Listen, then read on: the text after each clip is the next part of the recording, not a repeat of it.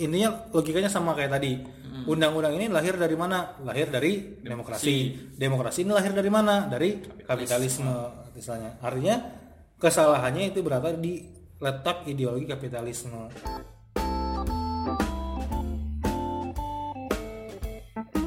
Selamat datang di Sudut Kehidupan Podcast. Podcast yang akan membahas berbagai macam problematika kehidupan dari sudut pandang yang berbeda. Semoga kita bisa menghiasi ruang dengar dan menginspirasi kawan-kawan semua. Selamat menikmati.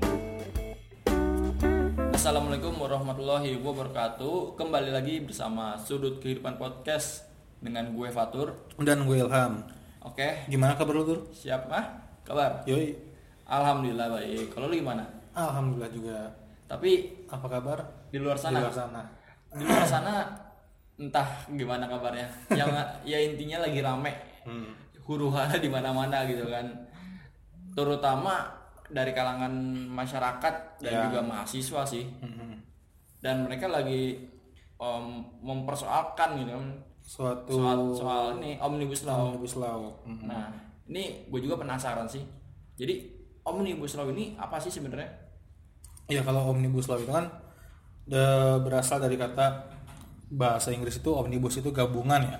Iya. Sementara law itu hukum, artinya hukum yang menggabungkan beberapa aturan atau beberapa topik, misalnya atau beberapa eh, bidang gitu menjadi suatu peraturan baru yang diamandemen, entah ada yang dihapus, ada yang dipangkas, ada yang diganti, misalnya dan itu eh, menjadi satu apa ya, istilahnya peraturan baru yang itu yang digunakan dalam eh, melaksanakan aktivitas-aktivitas kegiatan berikutnya. Hmm, Gitu. Jadi undang-undang yang lama itu misalnya diganti sama Undang-undang undang-undang baru. tapi dengan itu. satu satu pukulan gitu kan one punch. Iya. Karena Satu pukulan kenal semua gitu kan. satu undang-undang bisa berbagai topik gitu, bisa melibas berbagai topik. Undang-undang sapu jagat ya. Nah, ini namanya sapu jagat atau babat alas. Bobat alas. Jadi sebenarnya eh, yang yang dipersoalkan itu apanya sih gitu kan? Kan pemerintah ini kan menerbitkan RUU Ciptaker atau Omnibus Law itu kan ya. Nah, kenapa sih bisa ramai gitu kan? Seramai itu gitu. Jadi dampak dari Omnibus Law itu pada masyarakat Indonesia tentunya gitu kan, berbagai kalangan gitu. Itu apa sih? Apa sih esensinya dan juga apa sih dampaknya gitu kan? Bahkan orang sampai apa namanya aksi ke Jakarta dan dan ini deh tujuannya sebenarnya tujuan dari pemerintah gitu kan membuat undang-undang itu. membuat undang-undang itu gitu kan di tengah pandemi gitu Iya. apalagi Walaupun tuh undang-undang udah lama, Udah lama ya. pandemi. Cuman kebetulan aja buru-buru pengen disahin iya sih pas emang pandemi. emang udah lama sih cuman kenapa di tengah pandemi saat ini kan seharusnya ada hal yang lebih urgent Iya. yang harus Selesaikan. diselesaikan dulu gitu kan gimana Jadi secara apa namanya latar belakang ya, Ah. eh, apa namanya kalau misalnya kita lihat bahwa omnibus omnibus law ini eh, membahas kan ada 11 klaster gitu. iya Yang yang paling banyak disoroti itu adalah tentang ketenaga kerjaan, kemudian juga perizinan sama free tax atau eh, peringanan pajak lah seperti itu. Nah, eh, yang dibahas secara secara apa ya istilahnya secara fokus itu adalah bidang ke tenaga kerjaan sama perizinan sebenarnya gitu jadi eh, pemerintah kita bilang bahwa perizinan di negeri kita itu di Indonesia itu sangat berbelit-belit. Sangat berbelit-belit. Makanya dibuat omnibus law itu untuk memangkas birokrasi yang tadinya berbelit-belit menjadi eh, istilahnya hanya beberapa pintu lah. Nggak terlalu banyak istilahnya. Tujuannya apa? Ya karena untuk mengefisiensikan peraturan seperti itu. Kemudian juga eh, apa istilahnya pemerintah pusat juga bilang bahwa omnibus law itu dibuat untuk menciptakan lapangan kerja makanya disebut juga undang-undang cipta lapangan kerja atau disingkat cilaka Cilaka. malah jadi celaka mencilakakan gitu. iya iya iya Nah, kemudian juga dari eh, apa namanya administrasi, kemudian istilahnya hal-hal yang dalam tanda kutip dianggap rumit lah istilahnya eh, dalam perizi dalam apa namanya perundang-undangan itu dipersingkat, dipermudah. Hmm. Nah, kemudian gitu yang jadi permasalahan di sini bahwa undang-undang ini dipermudah itu sebenarnya untuk apa gitu. Nah. Emangnya eh, siapa yang ingin apa istilahnya dimudahkan gitu kan. Hmm. Misalkan undang-undang ini di- dibuat untuk mempermudah eh, birokrasi gitu. Iya. Memangnya birokrasi untuk siapa gitu istilahnya atau siapa sih yang menggunakan birokrasi ini gitu kan? Iya. Nah ternyata yang banyak menggunakan birokrasi ini adalah orang-orang investor atau pengusaha atau para pemodal gitu. Jadi para pemodal atau para investor yang ingin menginvestasikan di negeri kita itu katanya birokrasinya berbelit-belit makanya dipangkas biar enak istilahnya biar cepet lah bisa invest tuh itu yang pertama. Yang kedua ketenaga kerjaan. Nah ketika orang itu berinvestasi kemudian ada lapangan pekerjaan Hah? maka butuhlah namanya tenaga kerja, gitu. Makanya di sini di omnibus law ini eh, memang ada peraturan terkait tentang ketenaga kerjaan Ya. nah secara kasat mata ya kalau kita lihat dari apa namanya tulisan-tulisannya manis gitu istilahnya Hmm. Eh, apa namanya kita lihat bahwa tulisannya bagus ini menciptakan lapangan kerja memudahkan kemudian juga Oke, ya oke. ibaratkan istilahnya sesuatu yang membuat kita itu terbantu lah gitu Iya, tapi padahal secara secara mendi- mendalam kalau misalkan kita detail melihatnya apalagi membandingkan undang-undang saat ini yang ada di draft omnibus law. Iya. yang mana? Gue juga nggak tahu draftnya gitu yang yang, yang final gitu. Udah lulus tapi belum skripsian kan gitu. Nah terus eh, dilihat sama undang-undang berikutnya berarti ada beberapa yang dipangkas ada beberapa yang diganti ada beberapa eh, lembaga yang dilewatin gitu istilahnya. Jadi ya benar-benar aturan ini dibuat ya bagaimana caranya apa istilahnya untuk memudahkan si investor itu sendiri gitu. Se- ya, sebenarnya kan adanya peraturan dan administratif administratif itu kan buat agar para investor atau pengusaha itu yang ingin izin gitu kan untuk mendirikan suatu perusahaan itu nggak asal gitu kan. Jadi Ya. ada ada prosedurnya gitu agar itu tuh tertata rapi ya dan juga berjalan baik lah berjalan baik gitu kan nggak berdampak buruk dengan lingkungan sekitar. Dan sekarang tadi kan investor dan para pengusaha itu pengen memangkas birokrasi itu gitu kan jadi pengen ya pengen cepet goals lah gimana pun caranya eh, usaha dia Jalan. bisa jalan gitu kan nggak memandang nggak memandang Resiko dampak yang lain atau dampak yang lain. Nah, tadi juga lu tanya apa namanya terkait dampak gitu ya. Nah. kenapa sih banyak orang yang aksi ya kan banyak orang yang bahkan sampai dalam tanda kutip rusuh gitu atau Ya. ribut gitu. Ya kita nggak bisa menyalahkan mereka yang ribut atau rusuh seperti itu gitu. Hmm. Justru yang kita salahkan ya yang bikin undang-undang omnibus law gitu. Oh. Yang yang bikin mereka rusuh itu ya gara-gara ada undang-undang seperti ini gitu. Yang bikin rakyat bergejolak gitu. Iya. Ya wajar kalau misalkan rakyat itu merasa memberontak gitu karena merasa diusik gitu. Ya lihat aja kayak misalkan eh, apa namanya eh, dari karyawan gitu. Iya. Ada banyak pasal-pasal yang menyangkut ke tentang kerjaan yang itu dianggap merugikan gitu. Kayak misalkan apa namanya eh, apa ya penghilangan eh, pesangon, misalnya kemudian juga cuti eh, cuti, kemudian upah minimum di regional gitu istilahnya. Ini kita eh, sekarang itu menggunakan upah minimum provinsi yang itu kan standarnya eh, sangat kecil kalau misalkan pakai upah minimum provinsi itu gitu. Kemudian juga eh, ada pasal yang di mana membolehkan perusahaan mem-PHK karyawan itu dengan alasan efisiensi. Jadi kalau misalkan wah gua rasa karyawan di kantor gua kebanyakan ya udah pecat-pecatin aja gitu. Nah, itu secara undang-undang boleh gitu di situ. Iya, iya, Jadi ada eh, apa namanya pemutusan sepihak lah atau se- semena-mena gitu.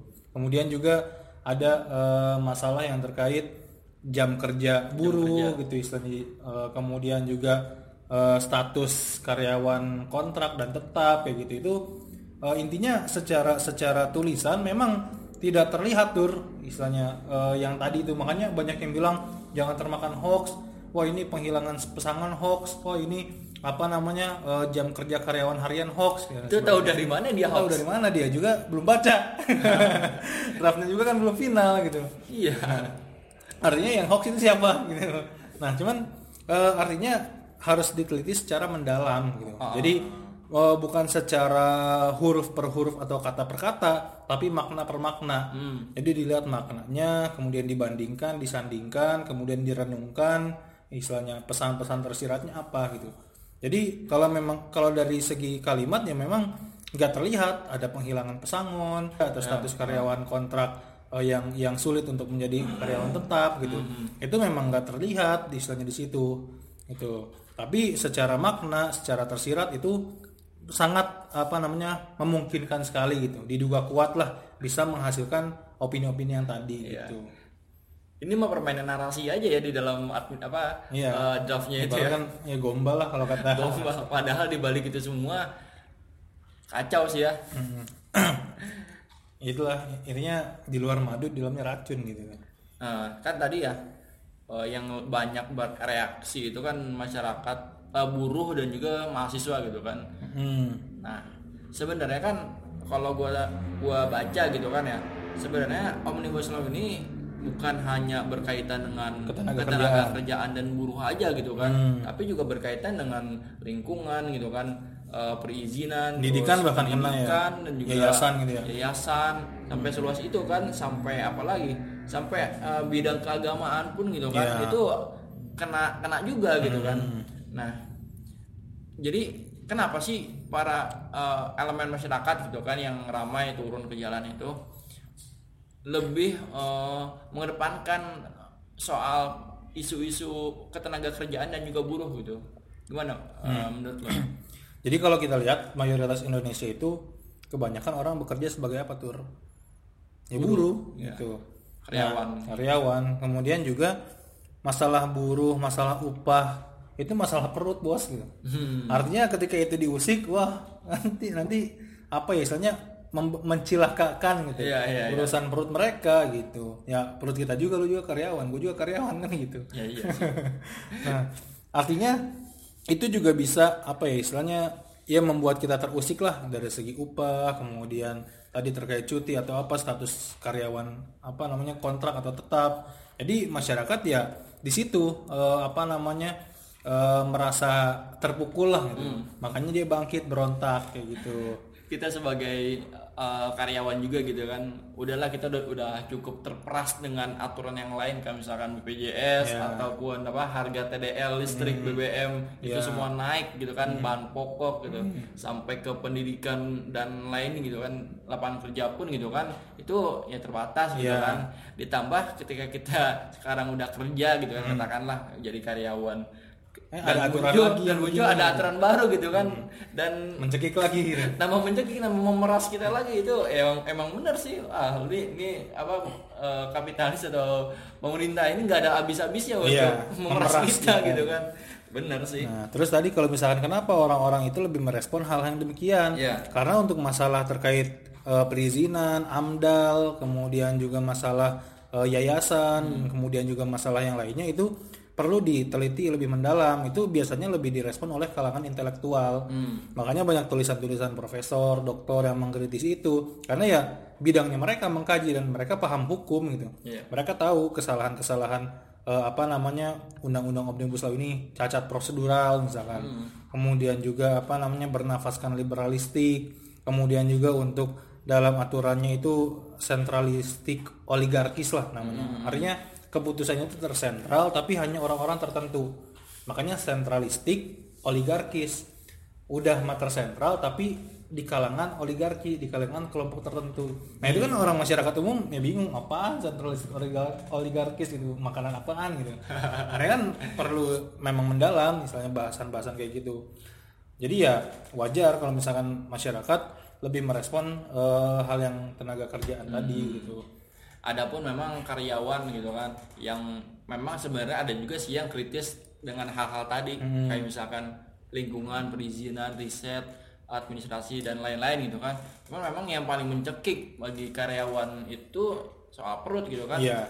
Gimana eh, dia bisa memikirkan pendidikan, ekonomi dan lain halnya yang lebih berat itu kalau eh, kalau misalkan perutnya aja perutnya aja belum terisi gitu Iya. kan.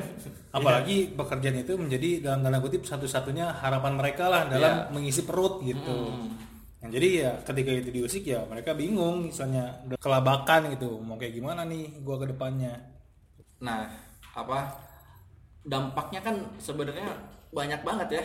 Kayak dari eh, lingkungan, terus Ya. pendidikan, eh, ekonomi, riset.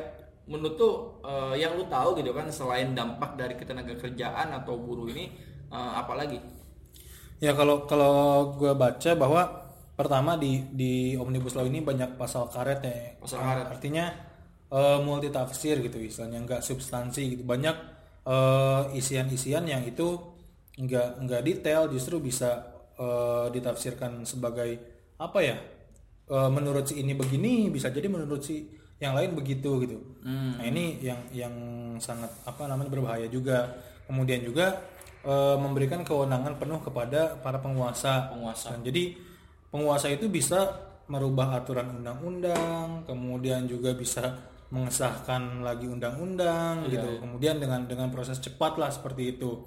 Kemudian juga kalau ada kepala daerah atau ke- eh, orang yang nggak sesuai dengan aturan pusat itu bisa didepak gitu. Artinya benar-benar ya di dikontrol gitu, dikunci gitu. Misalnya nggak nggak bisa ke mana-mana kita itu gitu.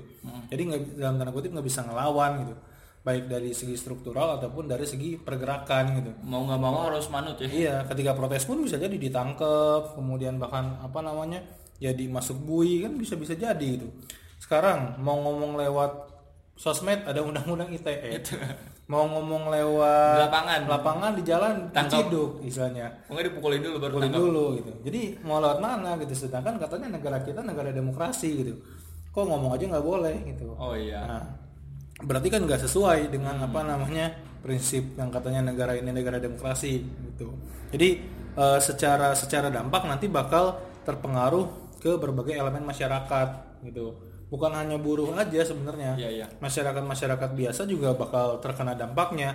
Ya misalkan ada peraturan tentang yayasan. yayasan Yayasan itu eh, yang formal maupun non formal harus mendaftarkan ke pemerintah gitu dan harus mendapat legalisasi dari pemerintah gitu. Kemudian eh, isi materinya, kemudian eh, kurikulumnya semuanya Harus sesuai dengan harus kontrol. dicek sama pemerintah dan dikontrol sama pemerintah. Harus sesuai dengan apa yang diinginkan oleh pemerintah. Gitu.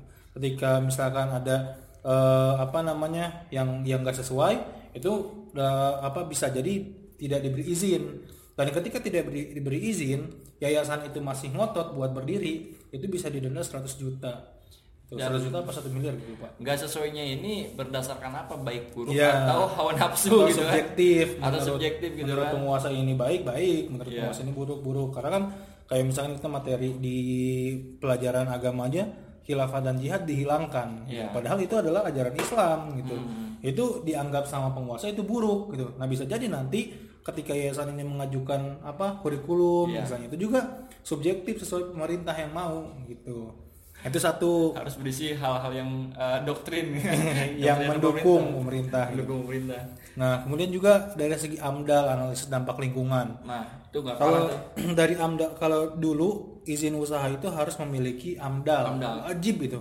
Jadi harus menghitungkan resiko ketika bikin usaha A, lingkungan tersebut bakal kayak gimana gitu. Iya. Tercemar atau enggak, kemudian penanggulangan eh, tercemarnya seperti apa, pencegahannya seperti apa. apakah apa dengan berdirinya perusahaan tersebut gedung tersebut lingkungan ter- eh, sekitar masih tetap Masih terjaga kan Eh, atau malah berdampak sebaliknya buruk Ya. gitu kan Nah kalau sekarang AMDAL itu hanya sebagai dis- sebagai pelengkap. Pelengkap mau, am- mau ada AMDALnya sok wae istilahnya mau nggak ada ya udah tanda naon kan gitu. yang penting Yang penting masuk cuan. yang penting ada perizinan Hmm. dan perizinan yang namanya perizinan ya pasti bayar lah istilahnya untuk mendapatkan surat legalitas itu. itu bayar ke siapa? Ke masyarakat setempat atau? Iya pasti bukan lah. Masyarakat. Apa namanya? Masyarakat dapat apa gitu. balik lagi ke ini dong tadi oligarkis. Iya sih oligarki itu apa namanya? Orang-orang tertentu kelompok tertentu itu. Terus juga eh, selain dari segi amdal dari segi ini eh, orang asing itu bisa memiliki lahan di negeri kita. wah Kalau dulu misalnya orang asing itu mau memiliki lahan di negeri kita harus me- menikahi minimal lah orang yang ada di negeri kita gitu. orang asing itu orang luar atau Orang luar negeri lah gitu misalnya. Eh, dulu itu kalau misalnya mau memiliki lahan harus Menikahi. menikahi orang Indonesia dulu penduduk tersebut kemudian ada surat tanahnya ya dengan nama tersebut gitu. Selama dia belum jadi WNI gitu. Nah eh, apa namanya kemudian kalau sekarang ya bisa-bisa aja orang asing itu memiliki memiliki lahan di negeri kita tanpa harus menikahi orang Wah. kita gitu. Wah, gila dong gitu. Iyalah. Dampaknya gimana? Apalagi orang orang asing itu duitnya banyak gitu. Jadi bisa aja di apa namanya tanah-tanah kita ya diambilin gitu. Itu bukan bukan dijual lagi sih itu. Ya apa dijajah dijajan lagi dijual mah jelas uangnya gitu kan. Iya. ini bukan dijual tapi udah langsung aja diserahkan kepada mereka. Hmm. gila sih. Jadi ya banyak lah dampak-dampaknya misalnya kalau misalkan kita lihat gitu. Eh, penerapan omnibus law ini ya apa ya menyapu jagat 11 klaster gitu. Dari tentang tadi riset inovasi juga dibahas kemudian juga perizinan kemudian pendidikan kemudian juga ketenaga kerjaan apalah misalnya banyak di 11 klaster. Dan seharusnya memang bukan hanya eh, yang yang respon itu bukan hanya kalangan buruh dan mahasiswa aja gitu kan ya tapi juga petani gitu kan apa namanya nelayan atau juga apa namanya eh, eh, apa namanya dari segi pendidikan dan ekonomi dan kesehatan itu semua harus Melawan. harus melawan gitu satu suara gitu kan. Cuman kan tadi istilahnya dalam tanda kutip belum sampai ke apa ya istilahnya informasinya itu eh, belum sampai ke orang-orang selain buruh itu bahwa ini menyerang juga bidang-bidang yang lain loh gitu.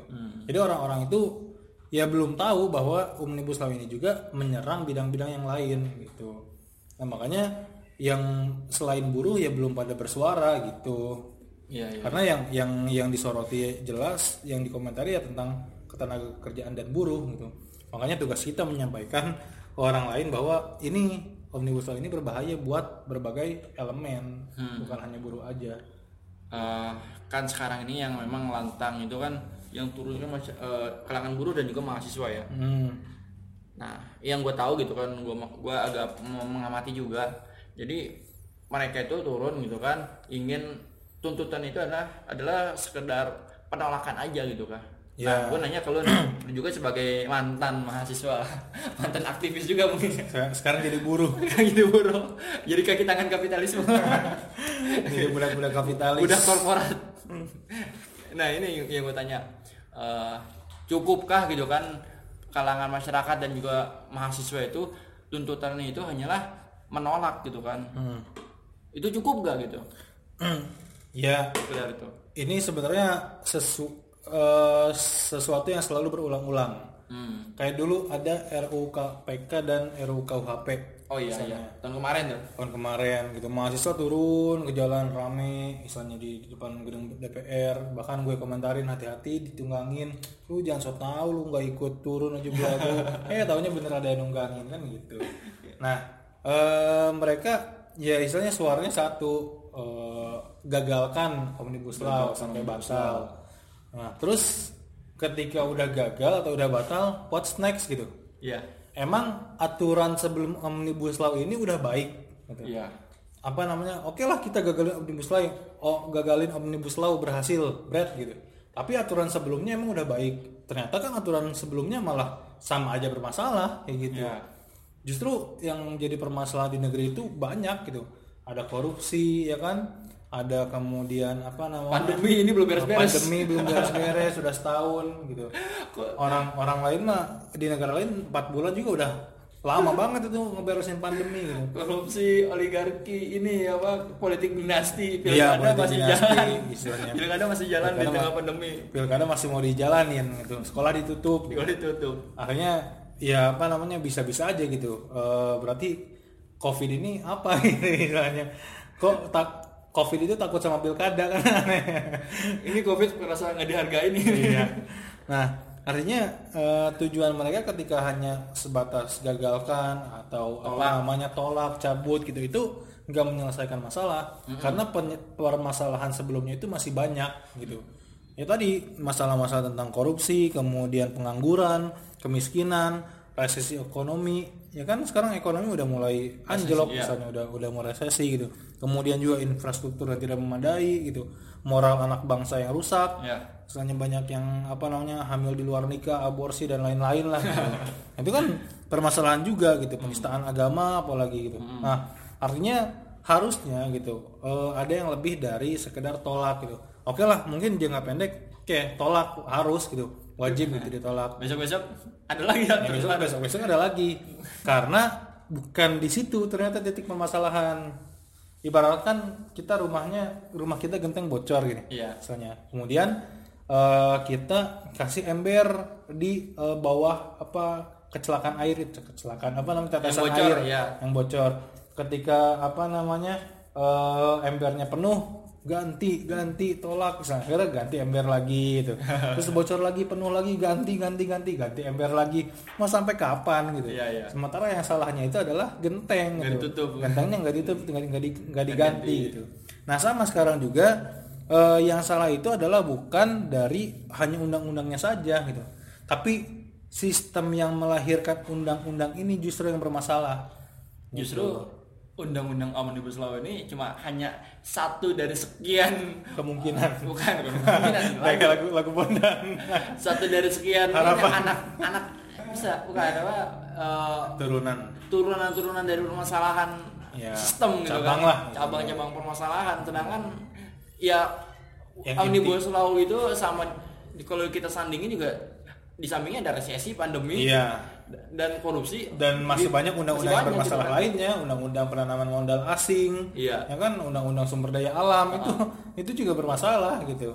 Artinya yang jadi masalah itu bukan undang-undangnya tapi sistem yang melahirkan undang-undang kok gitu. bisa sih ya? Ya ibaratkan undang-undang ini datang dari mana? Nah itu yang disalahin gitu. Sama kayak tadi genteng ini bocor eh, apa namanya rumah ini bocor. Bocornya dari mana? Oh dari genteng. Berarti genteng yang dibenerin. Undang-undang ini datang dari mana? Dari sistem yang namanya demokrasi. Berarti demokrasinya yang harus dibenerin gitu. Tapi nggak bisa dibenerin demokrasi itu. Karena udah udah usang. Ibaratkan kalau mobil itu udah rongsok gitu. Udah nggak bisa jalan udah starternya nggak nyala apa namanya wipernya nggak nyala Iya, iya, iya. kemudian apa namanya lampu sennya nggak nyala udah udah rusak lah itu mobil demokrasi itu yang udah terlihat jelas gitu kan. Katanya negara demokrasi itu adalah negara yang eh, bebas kita Iya. berpendapat gitu kan. Hmm. kita komentar sedikit di sosial media. Karena udah tukang bakso tukang bakso langsung kecreng kecreng di luar intel atau tukang apa polisi gitu kan.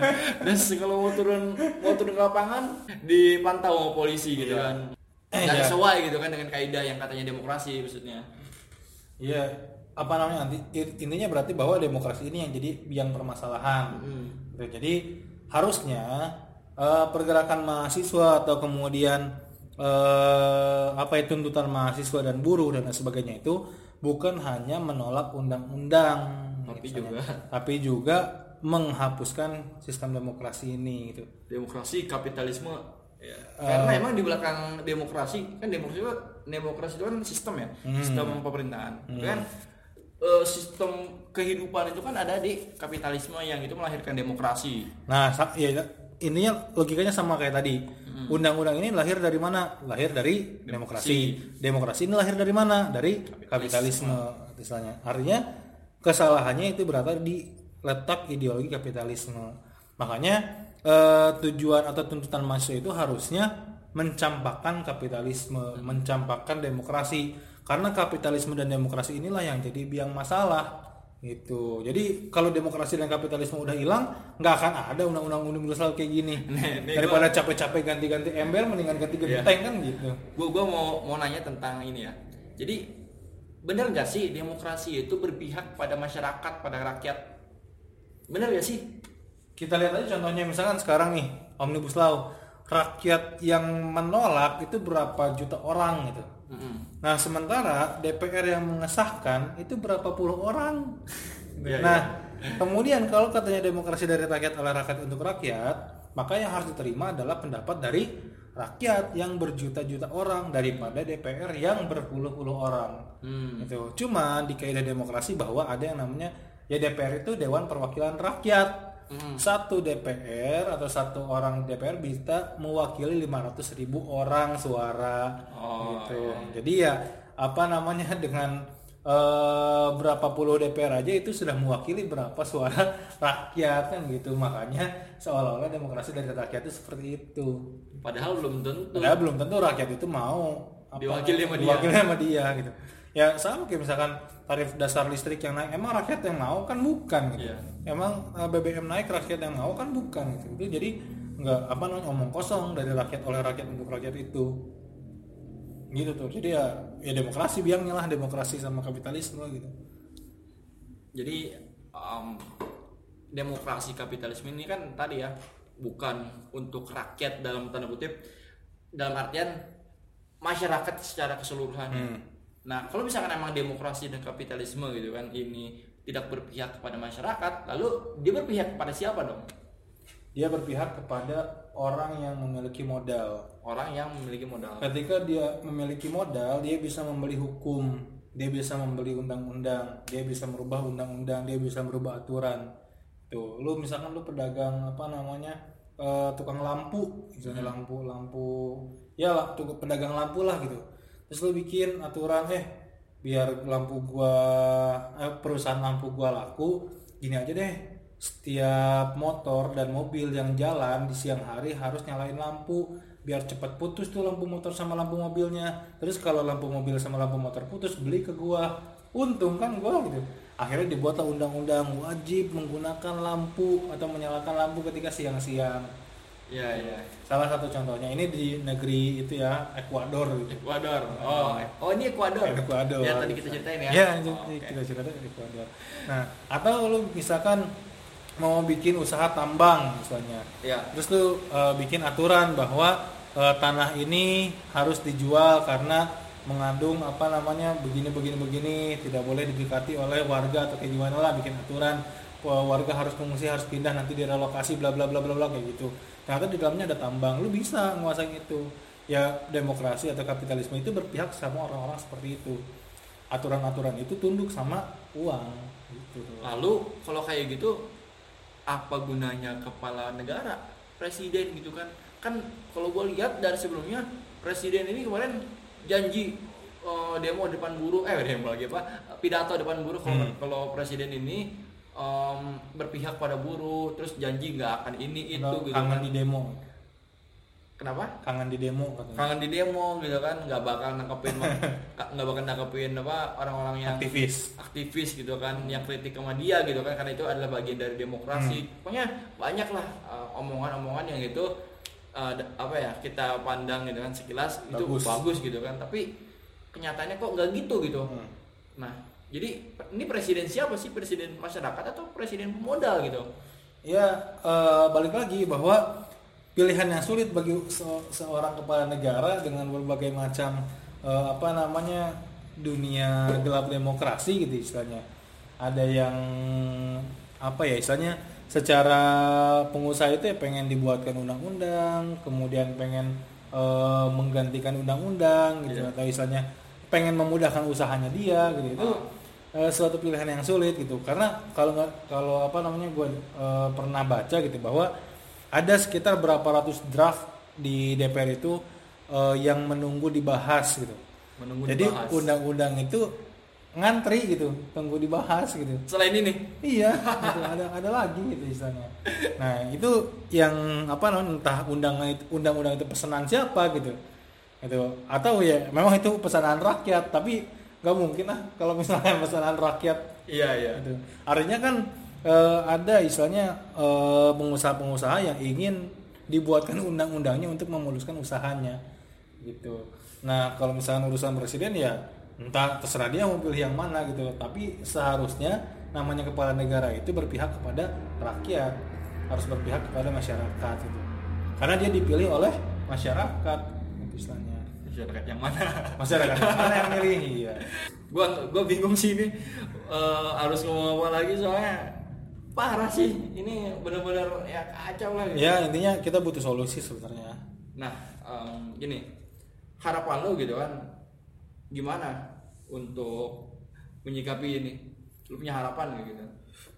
Pastilah. Harapan gue bahwa undang-undang ini wajib ditolak tur. Hmm. karena ada empat alasan atau empat latar belakang bahwa undang-undang ini eh, apa ya istilahnya ya harus harus kita tolak lah gitu ada empat ada Empat- empat, alasan, alasan. yang harus menjadi apa ya empat alasan yang membuat undang-undang ini wajib ditolak gitu. Hmm. pertama itu undang-undang ini cacat prosedural artinya eh, saat pembuatan undang-undang ini gitu eh, harusnya kan ketika kita membuat ketika penguasa itu membuat undang-undang dia harus melibatkan Masyarakat. eh, apa bidang yang terlibat gitu oh bidang kalau lu bikin undang-undang tentang kelautan, lu harus ngundang para nelayan. Itu para nelayan, eh, kemudian apa namanya pakar kelautan atau apalah istilahnya itu harus harus yang expert di bidang tertentu Ya. Kemudian kalau misalkan mau bikin undang-undang ketenaga kerjaan, lu harus undang juga buruh, tenaga kerja atau misalkan ya karyawan atau eh, perusahaan dan lain sebagainya lah kayak gitu. Nah, di dalam eh, pembuatan undang-undang omnibus law ini ya rakyat dalam tanda kutip buruh orang-orang seperti itu tidak dilibatkan. Ber- Berarti kan ini prosedurnya gagal atau melanggar prosedur gitu. Cacat prosedurnya. melangkahi ya Ya melangkahi seperti itu. Nah kemudian eh, selain melanggar eh, cacat prosedural, yang kedua ini bernafaskan liberalistik. Gimana gitu. Liberalistik itu ya apa namanya memiliki arti kebebasan. Jadi sangat membebaskan orang itu untuk melakukan apa saja gitu. Kayak tadi istilahnya TKA atau eh, TKA atau eh, apa namanya orang asing boleh memiliki eh, apa namanya tanah di negeri kita atau lahan di negeri kita. Kemudian eh, apa namanya tentang perizinan-perizinan, misalnya dipermudah atau dipersingkat. Bahkan ada perizinan yang tidak eh, yang dulu harusnya melalui beberapa kementerian, Sekarang? ini dipangkas langsung ke pemerintah pusat, kayak gitu. Artinya yang jadi yang punya modal ya bisa melakukan apa saja gitu. Itu bernafaskan liberalistik gitu, jadi kebebasan gitu. Nah kemudian yang ketiga itu sentralistik oligarkis. Tadi yang gue bilang aturan itu sentral kepada penguasa gitu. Tapi di dalam penguasa itu ada oligarki, ada kelompok-kelompok tertentu yang memainkan aturan-aturan regulasi itu. Jadi ya yang membuat aturan si kelompok tersebut, si oligarki tersebut. Gitu. Iya. Jadi eh, apa namanya sentralistik oligarkis itu di situ. Sama yang terakhir itu substansinya bahwa undang-undang cipta kerja ini bukan menciptakan lapangan kerja, Tapi- tapi cipta investasi, Cipta investasi. untuk mendatangkan investor-investor datang ke, ke negeri kita. Dan investor pun ya apa namanya pasti berharap ada dapat untung gitu. Jadi invest ke Indonesia itu ya bukan bukan membantu negeri kita, tapi gimana caranya si investor pun dapat untung dari negeri kita gitu. secara nggak langsung negeri kita dijual dong Iya, bisa jadi gitu. Kepada investor gitu negeri kita. Masyarakat mah nggak nggak dapat untuk keuntungan apa-apa gitu kan Masyarakat yang ber, yang diperalat. ini berhalat gitu kan Sementara- bahasanya sih dia nyip, me- apa Menciptakan. menciptakan lapangan kerja tapi kan memang mereka juga butuh sebenarnya kan butuh Memang mereka bekerja, Bekerja, tapi- tapi, yang menguntung yang, Nah. yang diuntungkan ternyata pemilik modal, iya sisi investor. Jadi ya itulah pertama undang-undang itu wajib ditolak. Hmm. Nah kemudian yang kedua bahwa kita harus sadar kesalahan terbesar yang ada di negeri kita itu adalah eh, ideologi kapitalisme, Kapitalisme. yang telah menjadi dasar eh, apa ya istilahnya kehidupan kehidupan lah di negeri kita. Hmm. Kemudian melahirkan politik demokrasi, melahirkan ekonomi riba atau istilahnya ekonomi bunga, saham dan sebagainya gitu. Nah ini yang membuat, eh yang ini adalah eh, kesalahan terbesar. ya Makanya kita harus mencampakkan kedua hal ini gitu.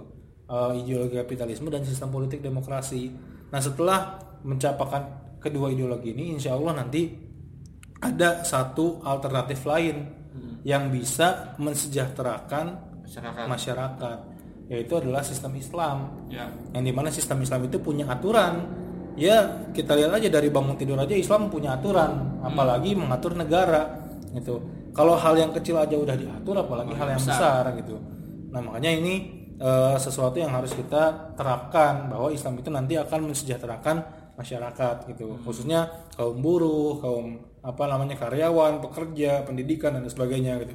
Cuman bukan hanya untuk sejahtera aja gitu.